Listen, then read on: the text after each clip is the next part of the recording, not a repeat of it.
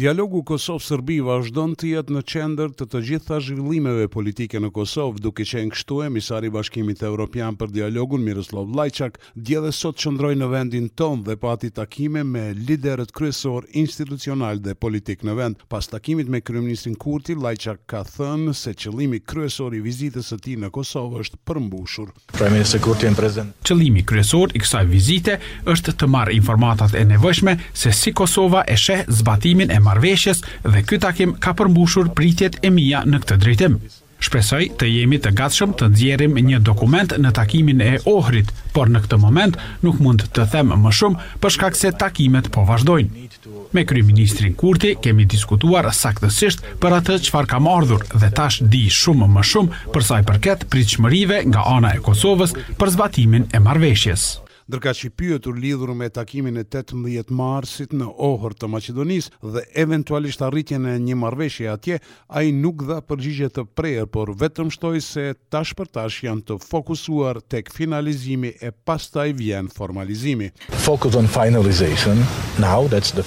Do të arrijmë edhe tek ajo pikë, por hapi i dytë është njëherë finalizimi. Siç thuhet, e kalojmë atë urë kur të arrijmë atje dhe shpresojmë që të arrijmë ta nënshkruajmë në Ohër. Sa i përket Parlamentit, ai është pjesë e kësaj, sepse kjo marrëveshje duhet të ratifikohet në Kuvendin e Kosovës. Të dyja palët i kanë procedurat e brendshme të cilat duhen ndjekur. Në anën tjetër, kryeministri Kurti u deklarua rreth takimit të radhës dhe mundësisë së nënshkrimit të Planit Evropian të prezantuar më njëzet e shtatë. shkurt. Pritjet tona janë që do të vazhdojmë përgatitjet për takimin e datës tetëmbëdhjetë mars, i cili do të mbahet në Maqedoninë e Veriut, në Ohër dhe të shohim se si do të mund t'ia bashkangjesim propozimit të dakorduar evropian edhe një plan të mirëfilltë zbatimi që duhet të karakterizohet nga gjithëpërfshirja dhe nga efikasiteti. Unë isha i gatshëm për të nënshkruar kur ishim në Bruksel, andaj ju e kuptoni që për marrëveshje duhen dy palë dhe nuk mjafton vetëm njëra. Është dëm që teksti i dakorduar me pesë fjali në preambulë dhe njëmbëdhjetë nene gjithsej, tashmë nuk është nënshkruar me datën njëzet e shtatë shkurt. Pse nuk po ka nënshkrime, besoj që përgjigjen duhet ta kërkoni tek të tjerët. Po gjatë ditës së djeshme, emisari i Bashkimit Evropian për dialogun Kosovë-Serbi është takuar edhe me presidenten Vjosa Osmani. Sipas komunikatës për media, presidentja Osmani potencoi se aneksi i zbatimit të Marrëveshjes Bazë të dakorduar në Bruksel duhet të jetë në frymën e parimeve të miratuara në Kuvendin e Republikës së Kosovës përkatësisht paprekshmërisë së sovranitetit, integritetit territorial, kushtetutshmërisë dhe funksionalitetit të shtetit të Kosovës. Lajçak sot takoi kryetarin e Partisë Demokratike të Kosovës, Memli Krasniqin, atë të Aleancës për Ardhmërinë e Kosovës, Ramush Haradinaj, dhe së fundmi kreun e Lidhjes Demokratike të Kosovës, Lumir Abdixhiku. Kryetari i PDK-së, Memli Krasniqi, pas takimit me të dërguarin e BE-së për dialog, deklaroi se shqetësimi i tyre është se marrëveshja nuk ka njohje reciproke në qendër, por ka asociacion në qendër. Prandaj PDK, siç tha ai, ka rezerva sa i përket planit franko-gjerman. Ne kemi qenë mbështetës të procesit të dialogut në vazhdimësi, duke pritur një përfundim që sjell marrëveshje finale me njohje të ndërsjellë. Ky ka qenë gjithmonë jo vetëm qëndrimi ynë, por dhe qasja e partnerëve ndërkombëtarë. Fatkeqësisht,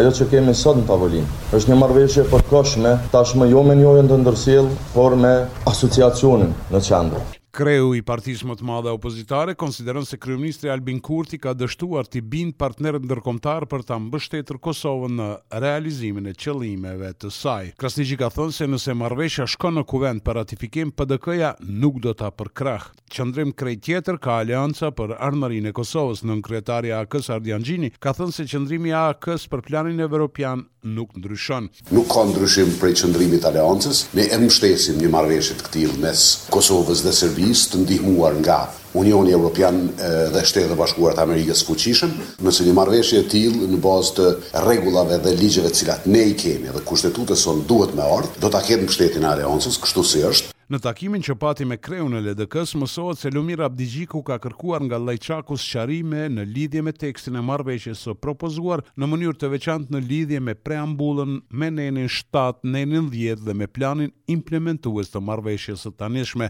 Ndërkaq emisari i BE-së për dialog, Miroslav Lajçak tha se takimet me opozitën kanë karakter informues, përderisa ka theksuar se edhe takimet me opozitën kanë përmbushur qëllimin. Mendoj se është shumë e rëndësishme në këtë pikë për mua të takohem me partitë opozitare dhe unë i informova për procesin, për pritshmëritë e komunitetit ndërkombëtar dhe ata shpjeguan pozicionet e tyre partiake, pra është gjithçka përgatitje e takimit të tetëmbëdhjetë marsit. Ndërkohë, Lajçak të hënën dhe të martën do të qëndrojë në Beograd. Në Prekaz me ndezjen e flakadanëve ka përfunduar manifestimi tradicional Epopeja e UÇK-së në nderim të rënies së komandantit legjendar Adem Jashari dhe tërë familjes, përfshirë gra, pleq e fëmijë. Në këtë manifestim kanë marrë pjesë qytetarë të shumtë nga të gjitha trojet shqiptare. Me emocione krenarie, në njëzet e pesë vjetorin e rënies së komandantit, anëtari i familjes, Rifat Jashari, falënderoi të pranishmit për pjesëmarrje, duke uruar, më të mirën për shqiptarët. Mirë mrama të gjithëve dhe mirë se keni ardhë. Urime njëzet e pesë vjetori i Ushtrisë Çlirimtare të Kosovës. Një falënderim shkon për popullin shqiptar, kudo që o në këto momente. Ishalla kalojmë mirë, ishalla kemi shnetën, ishalla arrijmë qëllimet tona. Ju faleminderit. Ministrat e Brendshëm të shteteve anëtare të Bashkimit Evropian kanë miratuar në lexim të parë tekstin e vendimit për liberalizimin e vizave për Kosovën. Me këtë hap nuk është bërë asnjë ndryshim teksa data e fillimit të liberalizimit të vizave për kosovarët ndërlidhet me funksionalizimin e sistemit evropian ETIAS, por jo më vonë se më një janar të vitit dy mijë e njëzet e katër. Për Radion SBS Menduesa, Prishtinë.